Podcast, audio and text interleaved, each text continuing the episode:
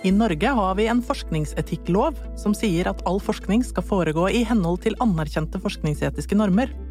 Forskere som ikke følger dette, risikerer å bryte loven. De kan opptre vitenskapelig uredelig. Men hva er egentlig vitenskapelig uredelighet?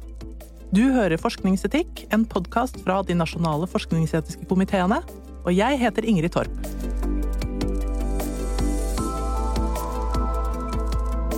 I dag har jeg med meg Anette Birkeland, som er jurist og sekretariatsleder i Nasjonalt utvalg for gransking av uredelighet i forskning. Og Anette, vi kan jo starte med denne definisjonen. Hva er egentlig vitenskapelig uredelighet?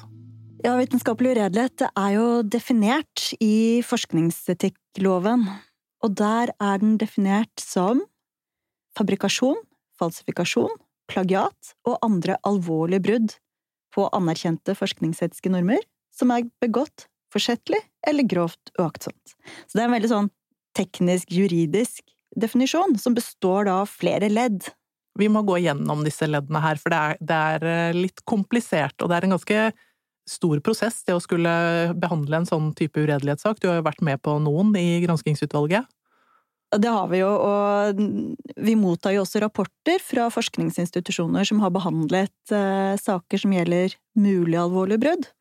Så vi vet jo også av egen erfaring at, at det er jo ikke lett. Det er ikke lette vurderinger.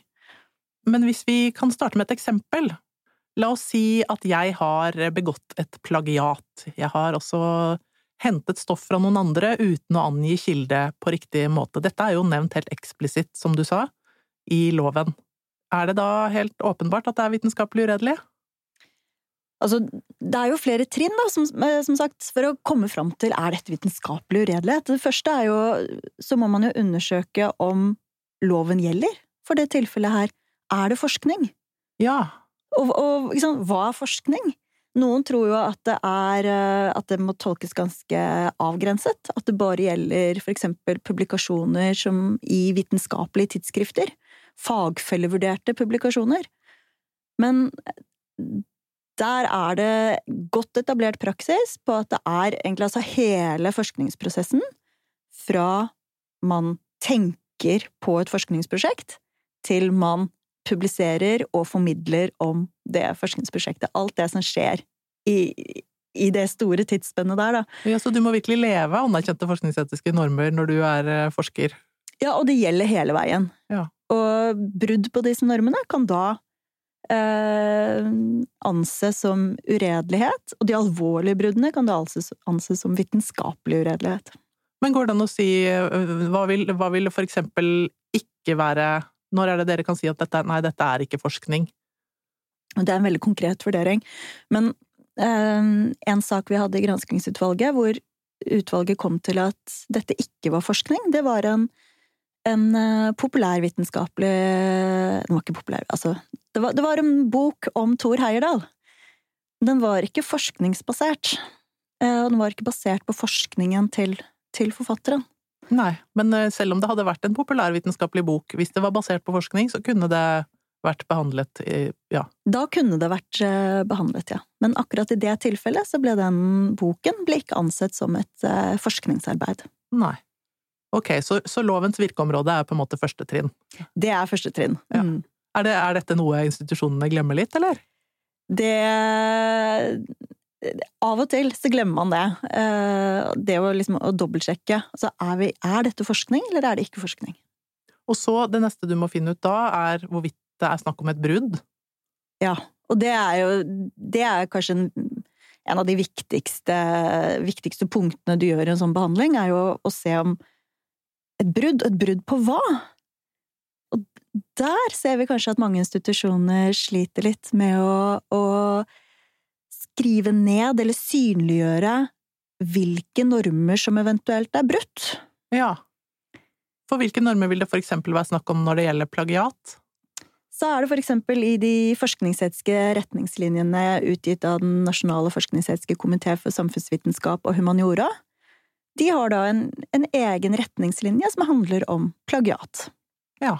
Uh, som da sier noe om hva, hva, plagiat er, og hvorfor det ikke er greit. Ja, Og normen da er god henvisningsskikk, eller noe tilsvarende det? Ja, plagiat uh, henger sammen med god henvisningsskikk, Ja. men uh, det er ikke nødvendigvis det samme. Mm. Eh, så plagiat er, det er en egen retningslinje om plagiat. Men det motsatte av plagiat, kan man si hva det er? Altså, det skal jo være en norm her som er brutt. Så Eh, normen er, eh, er at det skal være et, eh, et selvstendig arbeid. Et selvstendig arbeid, akkurat det. Fordi plagiat er å, å, å stjele noen andres arbeid og utgi det som sitt eget. Mm. Ja. Så synliggjøre hvilken norm det er snakk om, eller hvilke, for det er kanskje ofte flere normer i spill. Og det er veldig vanlig. I mange uredelighetsaker så, så er det flere normer som kan være brutt. Og en del av de normene som Altså, de som er veldig kjent, det er jo nettopp disse alvorlige bruddene. Fabrikasjon, falsifikasjon. Men andre normer som skaper konflikter, det kan jo da typisk være brudd på normer om kollegialitet. Ja, for det er også en forskningsetisk norm. Det er en forskningsetisk norm som, eh, som er, egentlig er helt innlysende. Altså, som, som forsker så skal du opptre som en, som en god kollega også. Du skal ha, vise respekt for dine, for dine kollegaer og for andre som, som jobber på feltet. Ikke at du ikke Fordi eh, kritikk er jo også en vitenskapelig norm. Eh, organisert skepsis. Men det er bare måten du fremfører skepsisen på, for eksempel, hvordan du omtaler kollegaer, hvordan du omtaler arbeidet deres, hvordan du inkluderer kollegaer. Det er normer om kollegialitet. Går det an å se for seg vitenskapelig uredelighet knyttet til denne normen? Vi hadde en sak i granskingsutvalget eh, om det, hvor det var brudd på nettopp denne normen. Bruddet var ikke alvorlig nok, da, til at, eh, til at det var vitenskapelig uredelighet i det tilfellet. Men ja, det er en norm som kan brytes. Ja. og som kan skape Det skaper mye ugreie, da, også i forskersamfunnet. Så for å unngå den type konflikter som da Det ødelegger for mye forskning. Hvis man eh, Hvis man ikke opptrer da som en god kollega. Kan jo være greit å minne seg selv på som forsker, og for øvrig, selvfølgelig, men, eh, men da står det spesifikt altså i retningslinjene. Så da er det alvorlighetsgraden, ja, som er eh, neste trinn i prosessen. Ja, hvis man først har sett at å ja, her er det et brudd, ett eller flere brudd, så må man da vurdere om bruddene samlet sett er alvorlige. Og den alvorlighetsvurderingen, den er ikke Den er heller ikke enkel. Og jeg tror jeg har ennå til gode å se en veldig god alvorlighetsvurdering. Ofte så mangler Det er kanskje fordi det er litt sånn magefølelse. At, eh, at man, man tar det litt mer sånn på feelingen, om dette er et alvorlig brudd eller ikke, da. Men når det gjelder plagiat, så kan det eksempel komme an på hvor omfattende dette stofftyveriet eventuelt er, da. Ja, og det kan være hvor, hvor store deler av teksten som er plagiert, om det bare er enkeltstående setninger, og så glir det litt over i det man kaller dette skyldkravet, om det er gjort med forsett eller grov uaktsomhet. Eh, Så hvis du har gjort det gjennomgående i hele teksten, så kan det være mer alvorlig enn om det er enkeltstående deler da, hvor man ikke har markert med for eksempel sitattegn, eller ikke har henvist til korrekt kilde. Ja. Og da er du inne på dette med forsettlighet og grov uaktsomhet, som er siste del av denne vurderingen. Forskjellen på de to, bare sånn juridisk. Ja. Forsettet er jo at du har Du har visst om den handlingen, du, du vet at den handlingen er et brudd, da. Du gjør det med Også- viten og vilje. Ikke, ja, ikke nødvendigvis alltid med viten og vilje, det er grader da, av dette forsettet. Eh, men det er en, en viss type bevissthet. Det er det. Mm. Uh, og så er det da en overgang over til det man kaller grovt aktsomt, og da er det sterkt klanderverdig at du handlet på den måten du gjorde. Ja. Det er den grove aktsomheten. Men du ser ikke nødvendigvis en vilje bak det, eller en bevissthet bak det. Mm. Mm. Kan det da handle for eksempel om manglende opplæring? Det kan være en del av det. Ofte så kaller man jo det Man kan også vurdere det under det man kaller rettsvillfarelse. At man eh, ikke visste at dette var et brudd på anerkjente forskningsetiske normer. Ja. Hvis du ikke har fått opplæring i hvordan eh, hva som er god henvisningsskikk. Ja. Det er ingen som har informert deg hvis tidsskriftet eksempel ikke har sagt at ja, her skal du følge den og den manualen, eksempel. ja, for det er ulike regler i ulike For henvisning. Mm. Ja. Så det må man også være bevisst på. Men når det gjelder dette med opplæring, så har institusjonene et ansvar, så da kan de eventuelt uh, få kritikk, da, hvis det er noe de ikke har fulgt opp tilstrekkelig. Og det er noe man skal i uredelighetssaker, så er det jo det er, det er, tre ting Ved en behandling da, av en uredelighetssak, så er det tre ting institusjonene og granskingsutvalget skal ta stilling til. Det første er jo om det foreligger vitenskapelig uredelighet. Og det andre er jo om det foreligger systemfeil ved institusjonen. Det er en sånn type eh, internkontroll, tenker jeg på det som. Mm at her har institusjonene sjanse til faktisk å, å, å, se om det er noe de kan gjøre for å unngå å havne i samme situasjon igjen. Og det med opplæring, da, hvis man ser at, at en, en, forsker da mener at han eller hun ikke har fått opplæring i god henvisningssjekk, så er det kanskje et uh, sterkt signal til institusjonen om å sette i gang.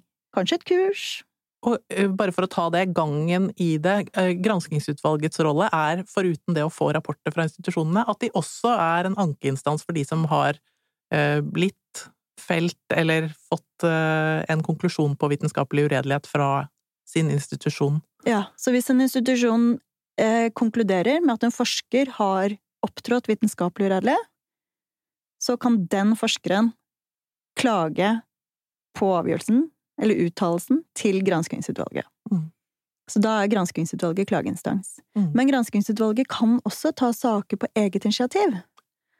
Og det er typisk i saker eh, hvis man ser at det har vært saksbehandlingsfeil ved institusjonen, eh, eller hvis man ser at det er feil normer som er lagt til grunn, eller at institusjonen ikke har ønsket å behandle en sak, for eksempel. Feid ting under teppet. Mm. Så det er en sånn sikkerhets, eh, sikkerhetsventil at granskingsutvalget tar saker. Ja, så det går an å tipse eller henvende seg dit selv om man ikke har hatt en behandling på en institusjon. Mm. Ja. Og så er det jo sånn at eh, hvis du da ender med å bli felt for vitenskapelig uredelighet, så må institusjonen også vurdere eventuelle sanksjoner. Kan man havne i fengsel her?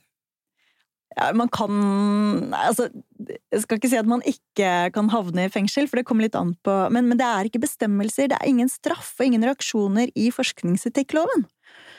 Eh, samtidig så forutsetter eh, lovens forarbeider at institusjonene har en rett og en plikt til å iverksette reaksjoner hvis det foreligger uredelighet.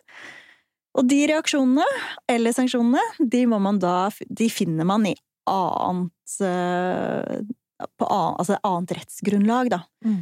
Hva slags type sanksjoner kan det være snakk om? Det kan være arbeidsrettslige reaksjoner. Det er jo um, kanskje det mest typiske. Det kan være at man får en advarsel, for eksempel, eller at man blir sagt opp i de mest ekstreme tilfellene. Ja. Ofte så vil jo forskere kanskje selv også si opp. Eller at man går over i en annen stilling, mm. der man ikke driver med forskning, eller hvor man ikke har ansvar for forskningsprosjekter. Mm. Og hvis det er vitenskapelige arbeider involvert, så handler det kanskje også om å rette opp i det, den vitenskapelige litteraturen. Og det er også noe det, det er det tredje punktet som man alltid skal ta stilling til i uredelighetssaker, det er jo det om en artikkel skal trekkes tilbake eller korrigeres. Men institusjoner kan jo ikke bestemme det. Så der er det Institusjoner kan henvende seg til tidsskriftet og be om at de retter opp, eller de kan be forfatteren, eller forfatteren ned, det er jo ofte flere forfattere også, om at en artikkel trekkes tilbake. Um, ja. Og det har vi uh, sett eksempler på at det ikke alltid skjer. Selv om en institusjon henvender seg og ber om tilbaketrekking, så er det ikke sikkert at uh, tidsskriftet velger å gjøre det. Det, det varierer veldig. Både altså Av og til så kan det avhenge av kvaliteten på tidsskriftet. At de tidsskriftene som har høy anseelse, de følger kanskje opp bedre da enn en tidsskrifter som er på den andre enden av skalaen. Granskingsutvalget hadde nylig et seminar der, der eh, innsyn og åpenhet var et tema. Er, det, er man litt for redde for å være åpne om disse sakene ved institusjonene? Det ser vi tydelig tegn på i granskingsutvalget, at institusjonene de unntar disse sakene fra offentlighet. Altså statlige, statlige, institusjoner, forskningsinstitusjoner, de må jo Der er det jo åpenhet, ikke sant. Det er offentlig, offentlige lova som gjelder. Eh, offentligheten skal ha innsyn. Eh, det er utgangspunktet. Mm. Hvis du skal unnta noe fra det innsynet, så må du ha hjemmel til å unnta det. Og ofte så setter man jo på unntakshjemler på disse sakene. Man har en unntakshjemmel i forskningsetikkloven, Men vi ser kanskje at eh, institusjonene unntar mer enn det som kanskje har vært intensjonen da, til, til eh, departementet og lovgiver, altså Stortinget, da de ga denne forskningsetikkloven. Fordi der understreker man jo det, at det skal være offentlighet. Det har stor offentlig interesse hvem som Hvis noen har opptrådt vitenskapelig uredelig, så skal det ikke være slik at den personen da bare kan si opp ved én institusjon, og så begynne på en annen institusjon dagen etter. Nei. Så det, det er litt vesentlig at uh, offentligheten er kjent med de sakene, men kanskje også der hvor det, hvor det ikke konkluderes med vitenskapelig uredelighet, da? Nettopp den muligheten for å bli renvasket.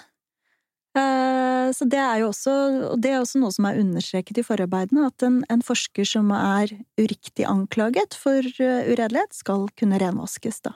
For det kan også skje, at det kommer uriktige anklager. Og det er det som er så vanskelig med disse uredelighetssakene, fordi de, det er ofte en sånn sammenblanding av personalkonflikt eller personalsak.